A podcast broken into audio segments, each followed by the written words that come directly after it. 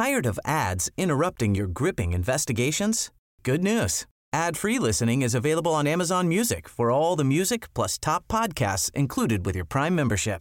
Ads shouldn't be the scariest thing about true crime. Start listening by downloading the Amazon Music app for free or go to amazon.com slash true crime ad free. That's amazon.com slash true crime ad free to catch up on the latest episodes without the ads.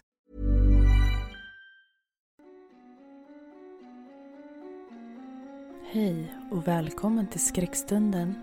En podcast för dig som älskar skräck.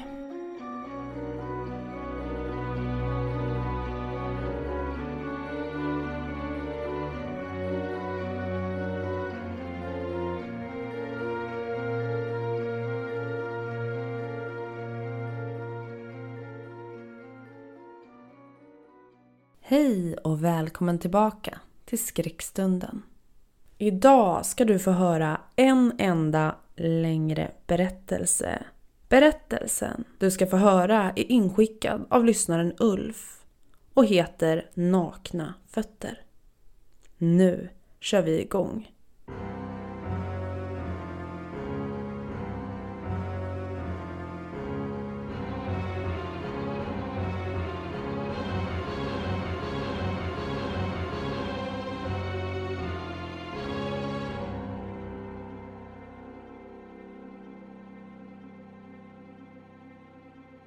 Någonstans i Ljungbyholm ligger ett hus vars gatuadress och ägare jag inte vill avslöja. Skälet till mitt val beror på att jag inte vill att någon av er som hör eller läser detta ska få för sig att åka dit. Inte för att jag nödvändigtvis tror att ni skulle sväva i någon fara ifall ni gjorde det, utan för att jag vill respektera det äldre par som troligtvis bor kvar där. För ungefär tio år sedan hade jag ett förhållande med ett av deras barnbarn. En kvinna som jag kommer att kalla för Lisa. Hon heter såklart något annat. Men återigen vill jag vara respektfull och inte nämna någon av de involverandes riktiga namn. Hennes farföräldrar kommer i mitt återberättande att bära namnen Mårten och Alice. Hur som helst blev jag påmind om det som hände där sist jag passerade genom denna småländska tätort. Jag var på väg till en vän som bor utanför i en mindre håla. Ett stråk av nyfikenhet manade mig att svänga in i kvarteret där jag visste att Mårtens och Alice hus låg. Det dröjde inte länge förrän jag fann det och det var sig likt. I området finns det, än idag, hus som liknar deras, det vill säga inget speciellt eller utmärkande. Och när jag återgett min historia kommer den stereotypa bilden av ett hemsökt hus förmodligen att ändras för de flesta av er. Jag har i efterhand läst på gällande hemsökta platser i och runt Ljungbyholmstrakten men inte direkt funnit något nämnvärt. Med det sagt finns det säkert något jag kan ha missat i och med att jag inte är infödd. Det finns vissa detaljer, såsom exakta datum, som jag inte längre kan dra till minnes. Men att det var sommar när det hela utspelade sig, det minns jag väl. Det var fruktansvärt varmt. Varmaste sommaren på år och dagar. Vi utgick från Göteborg, närmare bestämt Sävedalen i Partille. Därifrån körde vi till Halmstad för att sen styra vår färd mot Kalmar. Åkturen skulle ta oss cirka fyra timmar och även om den inte var speciellt underhållande måste jag ändå erkänna att den småländska naturen är något av det vackraste vi har i Sverige. Detta skulle inte vara första gången som jag skulle få träffa Lisas farmor och farfar. Men däremot första och sista gången jag besökte dem på hemmaplan. Av Alice och Mårten var Mårten den jag uppskattade allra mest. Han var uppvuxen i Lappland. Exakt vart minns jag tyvärr inte. Men han ingav alltid, säkert mycket tack vare sin sävliga dialekt, en känsla av lugn och trygghet. Han var, i brist på bättre ord, en riktig klippa. Han hade i 20-årsåldern träffat Alice som var uppväxt i Skåne och enligt dem båda var det kärlek vid första ögonkastet. Detta kommer att låta fördomsfullt men jag hade alltid tyckt att det var en lustig duo. Mårten med sitt norrländska lugn och Alice med sin skånska frispråkighet. Jag fick dock intrycket av att de på något sätt kompletterade varandra. De hade ju ändå varit gifta i nästan 60 år vid det laget. Redan veckorna innan vi hade bestämt oss för att åka hade jag känt en viss tvekan. Förvisso skulle vi passa på att åka till Öland för att hitta fornlämningar såsom Ismanstorps borg och Frö gravfält. Skälet, eller fröet, från vilket mitt tvivel hade växt fram grundade sig i att jag alltid haft svårt för att sova någon annanstans än i min egna säng. Men det fanns även ett annat skäl. Som kanske låter löjligt för vissa av er. Till varför jag kände en stark olust inför vår helglånga övernattning. Lisa var, och är än idag, den första personen som jag haft ett förhållande med som har trott på det övernaturliga. Hennes erfarenheter började redan i tidig ålder. När Lisa var runt tio år gammal ska hon från Hästrygg ridandes genom Västra Götalands skogar sett vad hon svor på hade varit en tomte. Åren som följde ska en uppsjö av olika väsen ha visat sig för henne. Gastar, vålnader, gengångare och till och med något som hon menade skulle ha varit en demon. Jag chockerar nog ingen av er när jag säger att jag är väldigt skeptisk. Men hon pratar om sina erfarenheter med en sån inlevelse och övertygelse att det inte dröjde länge förrän jag själv började fundera på huruvida det kanske fanns något mer bortom det vi kan se och ta på. Inte helt oväntat hade hon även upplevt saker i sina farföräldrars hus. Men hon var inte ensam. Tydligen ska hennes yngre syster och äldre bror ha sett och hört saker som de menar inte hade någon rationell förklaring. Jag har bestämt mig för att dela med mig av några av deras vittnesmål, men utan att gå in på allt för djupa eller invecklade detaljer. Lisa och hennes syskon ska vid en handfull separata tillfällen ha sett en gestalt föreställandes en äldre kvinna i långkjol ljudlöst sväva fram nere i husets källare. En gammal speldosa från tidigt 1900-tal som stått inne i ett mindre avslappningsrum inte långt ifrån där de ska ha sett kvinnan började ibland spela av sig själv. Det kanske mest dramatiska av dessa så kallade fenomen var när Lisas bror Johan fick syn på ett sorgetåg i källartrappan. Vad som fick mig att inte omedelbart avfärda dessa historier var faktumet att vare sig Johan och Filippa, alltså Lisas lilla syster, var speciellt intresserade av något som berörde det andliga eller esoteriska. I sinom tid anlände vi till Ljungbyholm, som jag ännu, även om den lilla staden har vuxit sedan den tiden, tycker besitter en viss sorts lantlig charm. På väg till vår slutdestination pekade Lisa ut skolan där hennes pappa hade gått samt den för mig överraskande mängd historiska byggnader i samhället. Landsbygden med den närliggande Ljungbyån ramade vackert in den lilla orten. I dess centrum kunde man finna en livsmedelsbutik, restaurang, frisör och en handfull andra mindre verksamheter. Utöver detta fanns det även en hälsocentral och en tandläkare. Nu för tiden kan jag inte påstå att jag har speciellt bra koll på vad som har tillkommit. Men med tanke på att ett nytt villaområde hade växt fram för ungefär ett år sedan förmodar jag att det fortfarande finns ett attraktionsvärde. Efter att ha följt Lisas instruktioner svängde vi till slut upp på den asfalterade uppfarten utanför en intetsägande men välskött villa med tillhörande garage. Alice var den som först kom ut för att hälsas välkomna, tätt följt av Mårten. Så fort vi kom innanför dörren med vår packning drog han med oss till ett rum där han ville visa oss något.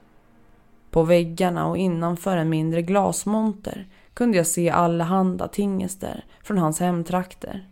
Vackra hantverk i form av knivar med tillhörande slidor, tennarmband, träskålar och till och med ett spjut som användes när man jagade björn. Jag hade kunnat stå och diskutera i timmar om det inte varit för att Alice med en viss smula irritation i rösten kikade in och sa att det snart skulle ätas middag. Efter maten visades vi runt i huset. Det hade byggts någon gång under 60-talet och det var här som Per, Mårtens och Alice enda barn, tillika Lisas pappa, hade vuxit upp. Bortsett från köket fanns även ett badrum med tvättmaskin och torktumlare. Ett stort vardagsrum, sovrum, det så kallade kuriosarummet samt ett mindre kontor. Det fanns även en mindre byggnad på baksidan som jag antar skulle tjäna som något slags uterum i vilket vi senare spenderade resten av dagen. Under tiden som vi spelade kort, samtalade samt drack bag boxvin började husets mörka källare med dess påstådda och spöklika aktiviteter äntra mina tankar. Jag kan i efterhand inte hävda att jag på något vis kände något obehag eller kuslig förnimmelse när vi steg in i Alice och Mårtens hem. Samtidigt gick det inte att förneka att jag medvetet, eller kanske omedvetet, försökte dra ut på tiden då vi skulle behöva lägga oss. Två timmar senare, när klockan slog 23, hade vi inte mycket till val och dessutom gick det inte att längre kämpa emot tröttheten efter den långa bilresan. Vi följde efter Alice nerför den smala källartrappan som efter ungefär ett dussin trappsteg vek av skarpt mot höger. Efter att ha rundat hörnet stod vi öga mot öga med en korridor. Även om det var tänt här nere var belysningen ganska svag och på något vis lite skum. Som att det fanns något i något gömt skrymsle som absorberade det artificiella ljuset likt en svamp. Alice ursäktade sig berörande det bristande ljusförhållande och förklarade att de sällan bytte glödlampor eftersom de hade flyttat tvättstugan till övervåningen istället. På så vis slapp de slita allt för mycket på sina leder som bara hade blivit sämre med åren. Hon visade oss sen badrummet, vilket nog hade gett vem som helst klaustrofobi med tanke på hur trångt det var och det lilla avslappningsrummet i vilket den beryktade speldosan fanns att finna. Förutom denna minst sagt ganska udda grunka fanns det en mindre soffgrupp med tillhörande soffbord som hade gjort vilken samlare som helst av 60-talsprylar grön av avund. Slutligen ledde Alice oss in i rummet vi skulle sova i under de närmaste dagarna. Det som jag tyckte var lite underligt var att man var tvungen att passera genom ytterligare ett gästrum för att komma dit.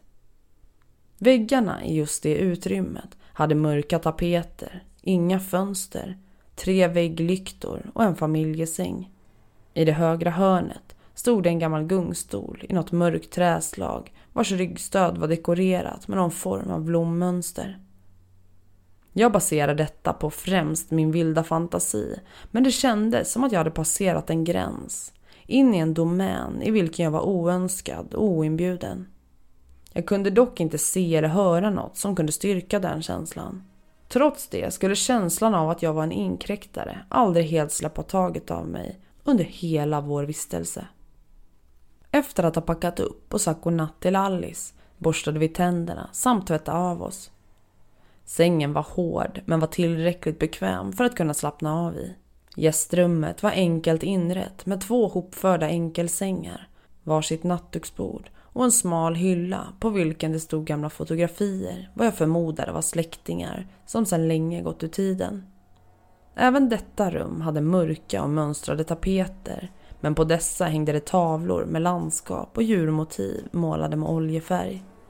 Bortsett från nattduksbordslamporna fanns det ett mindre källarfönster genom vilket månljuset sipprade in och som tack vare de mindre rosenbuskarna utanför kastade slingrande skuggor på väggen ovanför sänggaven. Någonstans mellan denna grönskande ridå låg trädgården som för tillfället badade i nattblåa nyanser.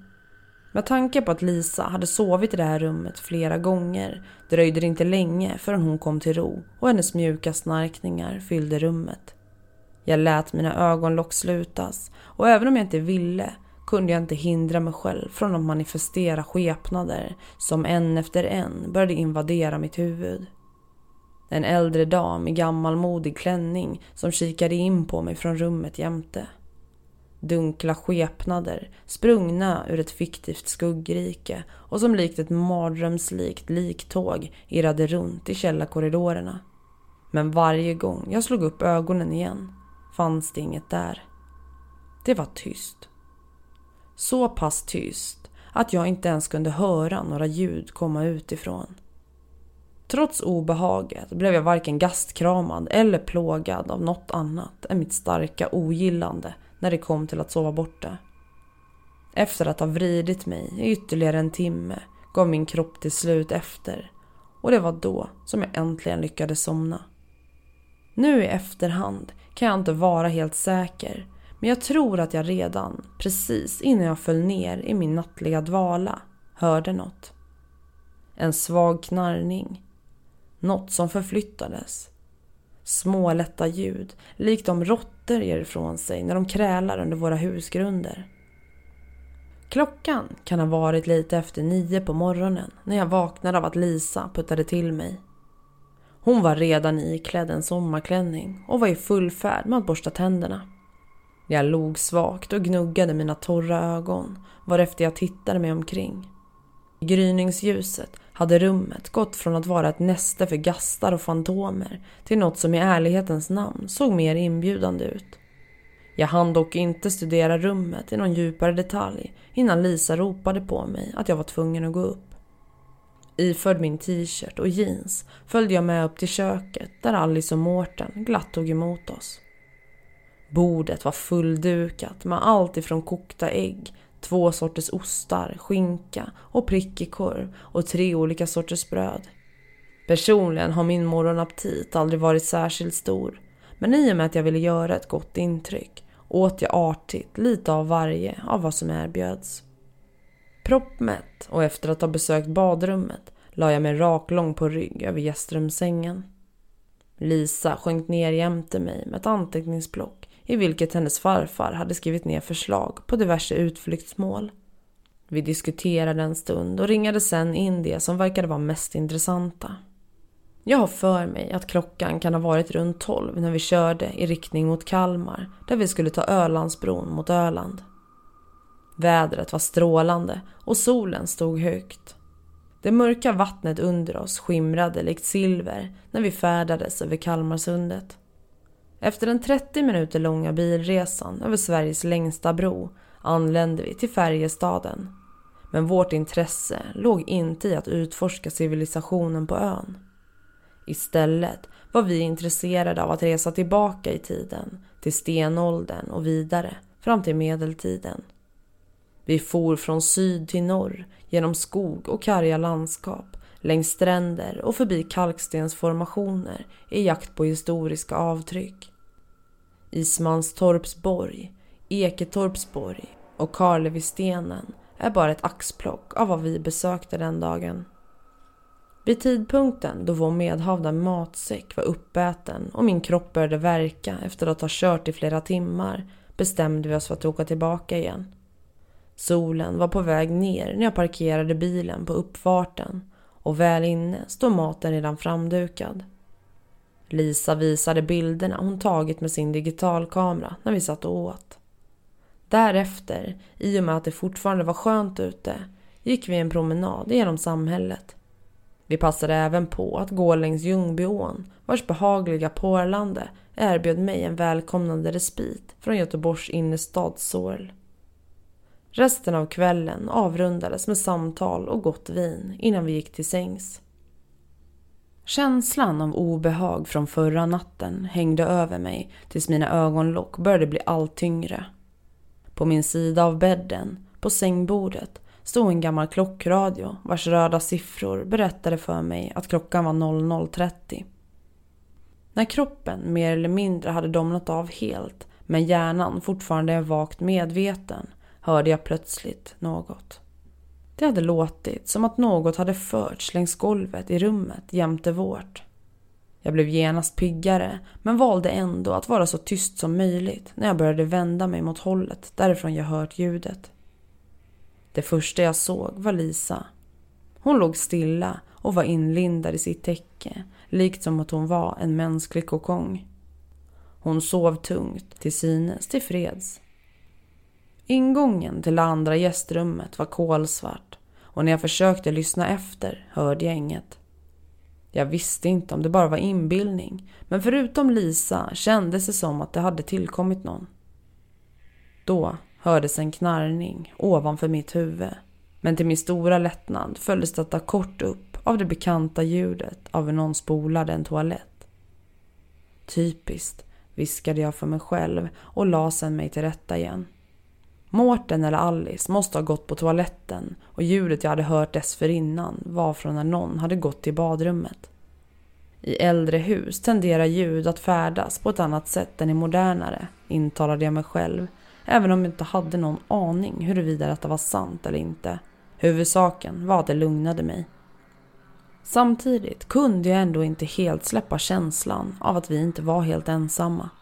Jag minns att jag tyckte mig se något i ögonvrån de gånger jag skruvade och vände på mig. Men varje gång jag tittade efter var det inget där. Bara mörker. Nästa morgon vaknade jag samtidigt som Lisa och efter frukost, dusch och tandborstning började vi återigen göra oss i ordning för att bege oss av till Öland. Det var när jag skulle passera genom rummet innan gästrummet för att hämta en vattenflaska som jag frös till. Jag kan inte vara helt säker på om Alice eller Mårten kan ha flyttat på den gamla gungstolen vid något tillfälle när jag och Lisa befann oss i närheten. Men den stod nu vänd rakt emot dörröppningen. Ingen satt i den, såvida inte personen var osynlig. Jag stod stilla nästan en hel minut innan jag hörde Lisa ropa på mig från källartrappan. Kommer du? Det är nog bäst att vi kommer iväg innan trafiken blir alltför tät. Jag rycktes ur min temporära paralys och skyndade mig med att fatta tag i flaskan som stod och väntade på nattduksbordet. Fem minuter senare begav vi oss efter att ha fått med oss kaffetermos samt nybakade kanelbullar som Alice hade förberett. Vädret var minst lika behagligt som dagen innan när vi for genom Ölands vackra natur på jakt efter fler spår från forna tider. Stämningen var god och alla tankar kring huruvida källaren inhyste något som ännu inte hade gått över till andra sidan trängdes undan och försvann. Vi var tillbaka strax efter sex på kvällen, vilket var lagom tid för kvällsmat. Efteråt gick vi alla fyra på ännu en promenad. Jag minns så väl hur vackra sädesfälten var i kvällsrodnaden och hur rapsen dansade stilla i den svaga brisen. Ett lugn fyllde mitt bröst när jag drog in den friska lantluften. Nog för att det var en otroligt vacker kväll, men jag var också glad att vi bara skulle behöva spendera en natt till innan vi kunde åka hem. Innan läggdags strålade vi alla samman ute i sällskapsrummet där vi drack gott och roade oss med diverse sällskapsspel såsom Kina-schack och Fia med knuff. Jag hade inte ägnat en enda tanke åt vare sig andar eller spöken förrän Lisa av någon anledning bestämde sig för att glida in på ämnet. Vad som följde var ett korsförhör där hon frågade Alice om de gånger hon ska ha sett något nere i källaren. Den gamla kvinnan skrattade roat och var precis på väg att säga något när Mårten avbröt henne. Äh, det där är bara trams. Vi har bott i det här huset i flera år och jag har då aldrig sett någonting. When you're ready to pop the question, the last thing you want to do is second guess the ring. At BlueNile.com you can design a one-of-a-kind ring with the ease and convenience of shopping online. Choose your diamond and setting. When you find the one, you'll get it delivered right to your door. Go to Bluenile.com and use promo code LISTEN to get $50 off your purchase of $500 or more. That's code LISTEN at Bluenile.com for $50 off your purchase. Bluenile.com code LISTEN. Tired of ads interrupting your gripping investigations? Good news. Ad-free listening is available on Amazon Music for all the music plus top podcasts included with your Prime membership. Ads shouldn't be the scariest thing about true crime. Start listening by downloading the Amazon Music app for free or go to amazon.com slash true crime ad free. That's amazon.com slash true crime ad free to catch up on the latest episodes without the ads. Nej farfar, det vet jag. Du säger det varje gång, men nu var det inte dig jag frågade, sa Lisa och log varefter hon tog en djup klunk av rödvinet. Hennes blick var fortfarande fäst på Alice när hon ställde ner glaset på bordet.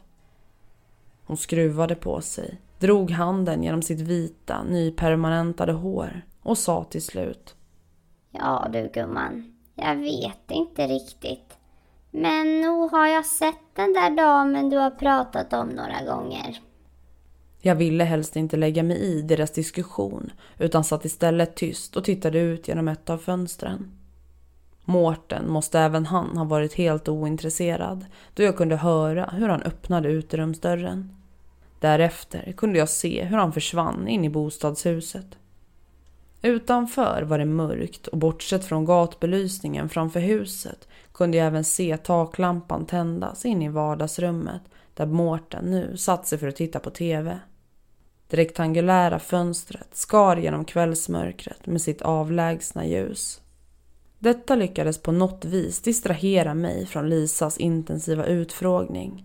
Men jag kom efter en stund på mig själv med att låta min blick dras till någonting annat. Nämligen källarfönstret. I mitt sinne började det anta formen av en nattsvart spegel. En portal till det okända. Jag började föreställa mig ett rum djupt inne i mitt huvud i vilket något sorts fantasifoster svagt skymtades till. Mot min vilja började jag ge den form och anlete. Utmärglad, kanske krum och ledbruten. Har den ens armar? Ögonen, är det likt små blodröda ljuspunkter? Tänk om den inte ens behöver ögon för att se. Den kanske känner sig fram med något sorts bisarrt känselspröt. Jag väcktes plötsligt ur mina grubblerier när Lisa sa att vi skulle gå in. Det missfoster som mitt bräckliga och paranoida psyke hade kokat ihop upplöstes ögonblicket som hon rörde vid min hand. Jag nickade och följde med tillbaka in i huset. Det kan ha varit någon gång runt midnatt som vi bestämde oss för att dra oss tillbaka i och med att vi skulle gå upp tidigt nästa morgon. Det var med nöd och näppe som jag lyckades dra av mig mina strumpor, byxor och skjorta innan jag på vingliga ben satte mig på den hårda madrassen. Jag var väldigt trött och hade det inte varit för alkoholen hade jag nog inte somnat så snabbt som jag gjorde. Imorgon skulle vi åka tillbaka, men det viktigaste av allt. Jag hade inte sett eller upplevt något av det som Lisa eller någon annan av hennes syskon pratat om. Dessutom hade gungstolen nu stått som den hade gjort första gången jag sett den. Alice måste alltså ha varit nere i källaren och donat runt när vi inte var hemma. Med andra ord, det var hon Ingen eller inget annat som hade flyttat den från första början. Det fanns inte. Nej, det kunde inte finnas något som var ute efter mig. På sätt och vis hade jag rätt. Jag la inte märke till någon gammal dam, en skuggklädd kortege eller ens tonerna från en gammal speldosa. Nej, det var något helt annat. Något som jag än idag inte kan förklara. Jag kan inte ange ett exakt klockslag, men det har ingen större betydelse. Det första jag märkte av när jag vaknade var hur otroligt varmt det var, likt i en bastu. Det andra och troligtvis det som förundrade mig mest var faktumet att jag knappt kunde röra mig. Det var som att delar av min kropp hölls nere och förvandlades till sten. Jag låg på mage med ansiktet vänt mot väggen på min sida men från den vinkeln mitt huvud var riktat kunde jag inte se klockradions display. Hur mycket jag än ansträngde mig var det som att jag var fastnaglad där jag låg.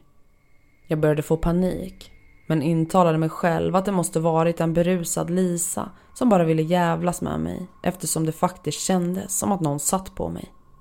Varje muskel och led värkte när jag till slut lyckades vrida min blick mot sängens motsatta sida. Vad jag såg fick mig att frysa till. Framför mig lystes Lisas ansikte upp av månskenet som blödde in genom källarfönstret. Hon sov fridfullt med ett svagt leende på sina läppar. Var detta en dröm eller såg jag bara i syne? Smärtan fick mina armar och ben att alltmer domna bort och i ren desperation försökte jag snegla över min axel. Där, sittandes på min bara rygg, kunde jag se något som hukade sig. Något svart och trots att det inte såg ut att vara mycket större än ett barn i sjuårsåldern var den otroligt tung. Det kändes inte som en varelse av kött och blod utan snarare mer som en skugga som ändå besatt en fast form. Hur länge hade den suttit där? Fanns det ens något där eller var det en inbildning? En sömnparalys? Var det än var så kom det närmare. Allt närmare. Sättet den rörde sig på liknade ett djur som var skadat. Armarna och benen var liksom förvridna, som att det satt bak och fram. Dess tyngd tvingade ut luften i mina lungor. Det gjorde så ont. Så förbannat ont. Jag har haft panikattack genom åren, men det här var betydligt värre. Det kändes verkligen som om jag skulle dö vilken sekund som helst. Något hade mig i sitt våld, likt när en orm slingrar sig kring sitt byte. Rummet krympte mer och mer och väggarna kom allt närmare. Mitt blickfång krympte så pass mycket att jag inte ens kunde ana månljuset något mer. Mina försök att skrika på hjälp kom ut i form av hesa viskningar som föll för dövas öron och när jag inte längre orkade hålla emot gav jag efter och tappade medvetandet. Det var åtta på morgonen som klockradions ilskna tjutande väckte mig. Hela jag värkte när jag sträckte för att stänga av larmet. Någonstans kunde jag höra ljudet av en rinnande kran och vad jag förmodade var Lisa som tvättade sig. Återigen såg rummet ljust och hemtrevligt ut. Inte alls som den mörka avgrund med dess krypande väggar från min förmodade dröm. Jag gnuggade mina ögon och var precis på väg att kasta mina ben över sängkanten när jag kände hur madrassen var blöt.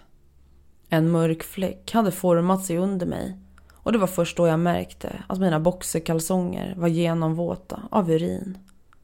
Men för i helvete! svor jag lågt för mig själv och kröp därefter genast tillbaka under täcket.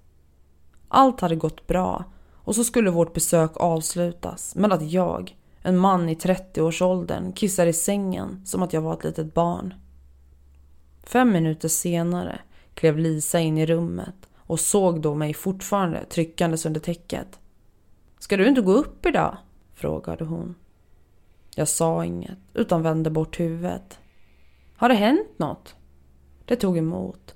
Men till slut så berättade jag om min lilla olycka. Jag skulle aldrig kunna se hennes farföräldrar i deras ansikte igen. Hon klappade på mig och sa med lugn röst att det skulle ordna sig. Motvilligt, då jag kände mig motbjudande, kramade jag om henne. Efter att ha hjälpts åt med att stoppa in den blöta sängkläderna i tvättmaskinen tog jag en dusch medan Lisa gick in i köket. Trots att det varma vattnet och tvålen tvättade bort mitt inre och yttre äckel kunde inget av detta mota bort känslan av skam som precis börjat rota sig. 15 minuter senare hade jag duschat klart, torkat av mig, bytt om och packat ner det sista av mina saker. Det var med tunga steg som jag tog ett trappsteg i taget. Behövde jag komma på ett försvarstal? Skulle de fortfarande vilja prata med mig? För tusan, jag är en vuxen människa. Jag hade ingen ursäkt för vad som hade hänt, även om jag hade haft en mardröm eller i värsta fall en sömnparalys. Men det kan ju hända vem som helst, tänkte jag innan jag sneglade in i köket likt en skamsen hund.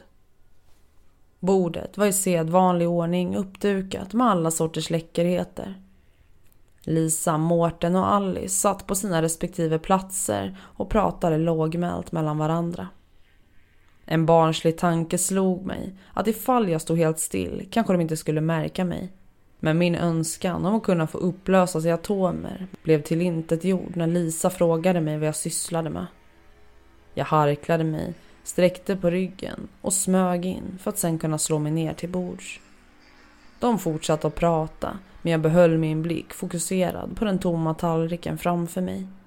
Jag vågade helt enkelt inte möta deras blickar de hade säkert redan tappat aptiten efter vad Lisa hade berättat och nu stirrade de säkert med avsmak på mig. Det var inte förrän jag kände hur någon stötte till mig i sidan som jag blev medveten om den fysiska världen omkring mig. Det var Lisa. Farmor undrar om du vill ha kokt ägg eller inte? Mårten log mot mig när jag lyfte mitt huvud och jag kunde se hur Alice höll upp ett ägg mot mig. Tankspritt nickade jag, tackade och tog sen emot det. Under frukosten höll jag låg profil och svarade enbart på tilltal.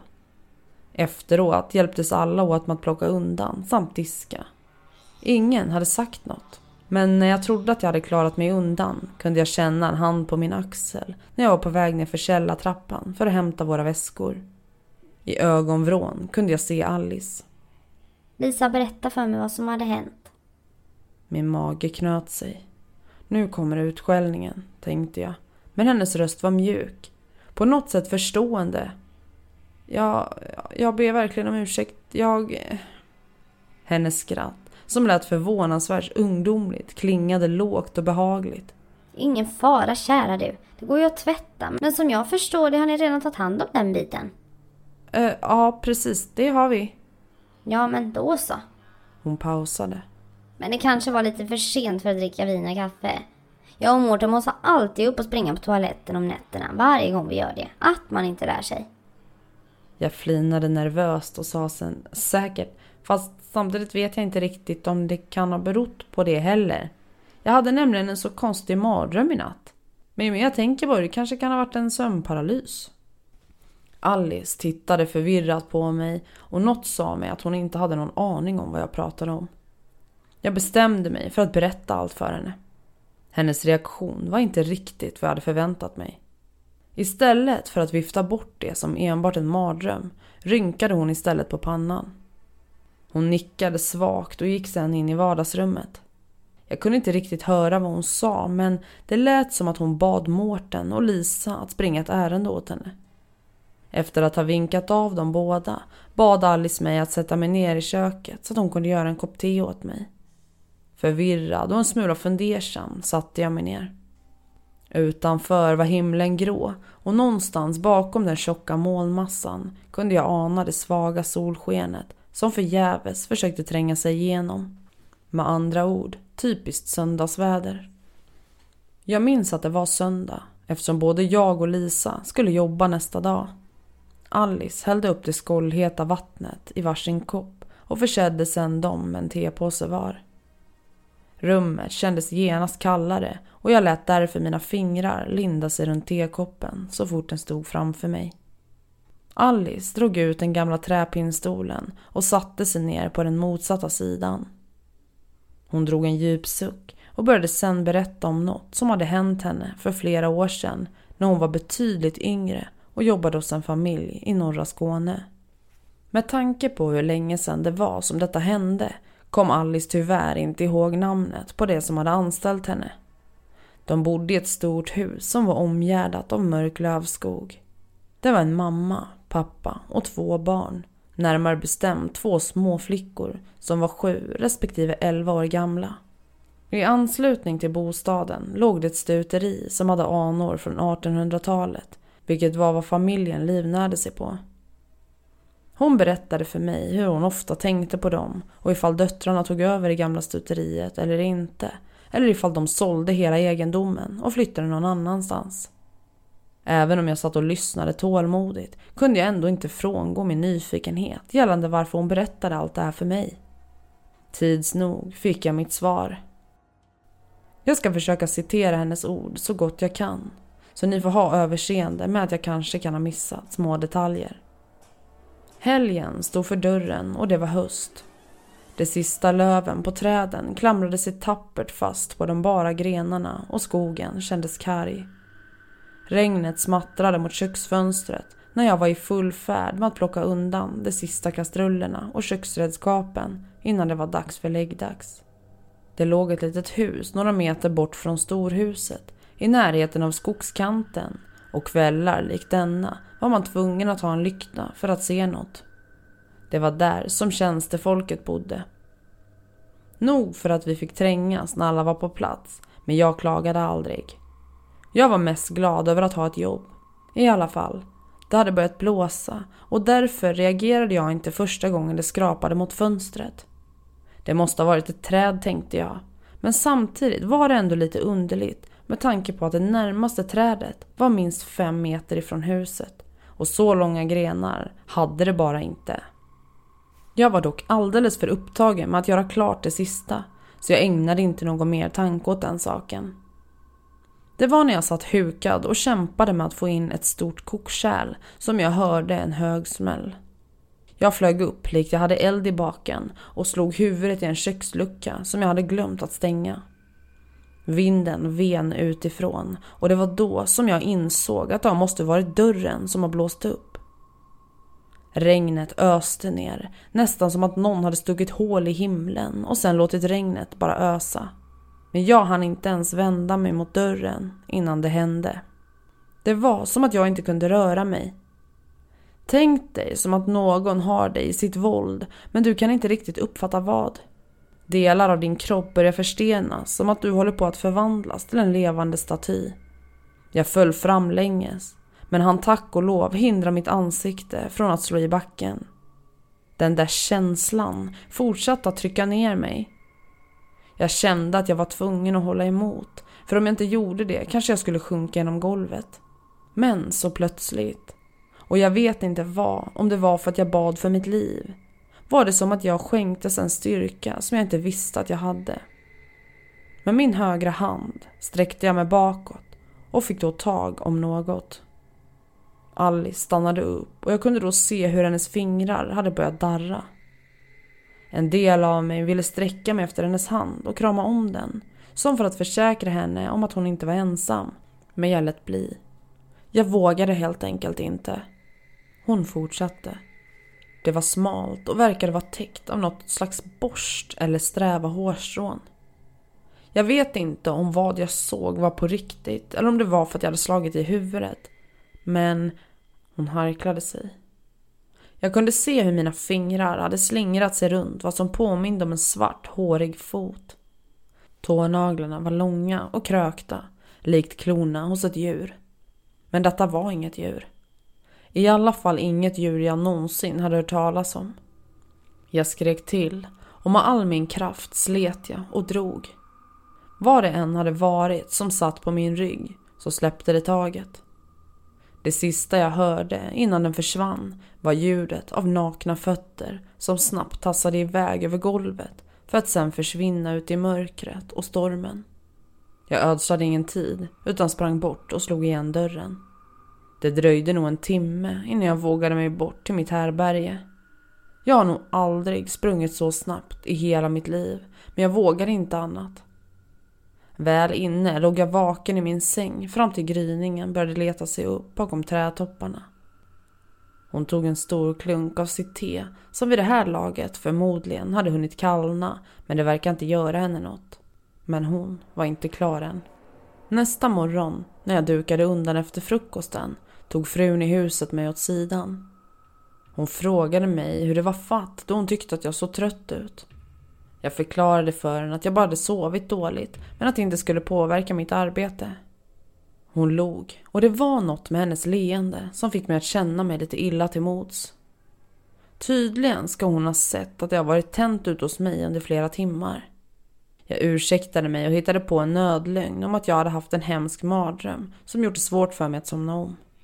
Något mörkt kom över hennes blick hon spände ögonen i mig men log sen snett varefter hon sa Det verkar då som om lilla Alice har blivit riden. Och med de orden lämnade hon mig ensam kvar i matsalen. Dessvärre hann jag inte fråga Alice något mer. För sekunderna efteråt hörde jag Lisa och Mårten stiga in i farstun. De hade varit på bageriet inne i byn och köpt bakelser så att vi kunde fika innan vi var tvungna att åka. Återstående tid av vistelsen är för mig en dimma. Ett töcken av ord som var alldeles svåra att greppa eller minnas. Det har nu gått sju eller åtta år sedan det tog slut mellan mig och Lisa. Jag har sedan länge gått vidare men den där natten och Alice historia har stannat kvar hos mig. Något hände mig i det där huset i Ljungbyholm. Någonting som jag inte kan förklara. Det kan mycket väl ha varit en sömnparalys men det kändes som att det var något mer. Något mer påtagligt. Något hade valt just mig. Men varför? Det var för ungefär två veckor sedan som jag blev påmind om allting igen och bestämde mig för att skriva ner det här. Det var sent och jag var precis på väg att somna när ett ljud bröt tystnaden i min lägenhet. Jag hade släckt och det var en veckodag vilket innebär att mina grannar låg och sov vid den tiden. Men vad jag hörde var ljudet av något som påminde om nakna fötter. Det verkade tassa runt i blindo. Någonstans i mörkret, från rum till rum. Som om detta ting verkade leta efter något. Jag tog mod till mig och gick upp för att titta efter, men fann inget, även om jag mer eller mindre vände upp och ner på allting. Samma sak upprepade sig nästa natt och natten därefter. Men det värsta av allt är att det inte verkar spela någon roll vart jag sover. Borta hos mina föräldrar, vänner eller hemma. Den är alltid där och verkar bara komma närmare och närmare för varje natt som passerar. Saken bidar sin tid och väntar på rätt tillfälle. Jag vet ärligt talat inte vad den vill eller om det ens finns något syfte med dess existens annat än att plåga och pina den som råkar komma i dess väg.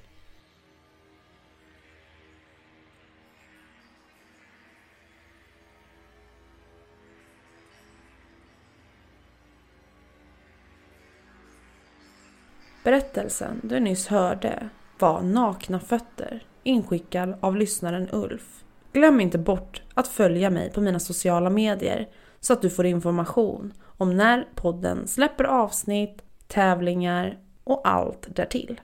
Alla mina sociala medier finns länkade i avsnittsbeskrivningen under avsnittet. Tack för att du har lyssnat. Vi hörs snart igen i dina lurar. Du har lyssnat på Skräckstunden.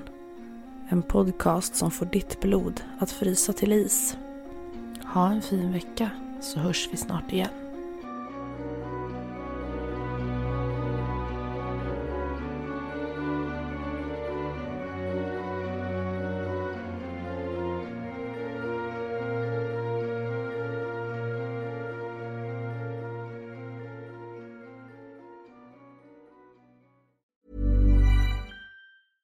Tired of ads interrupting your gripping investigations?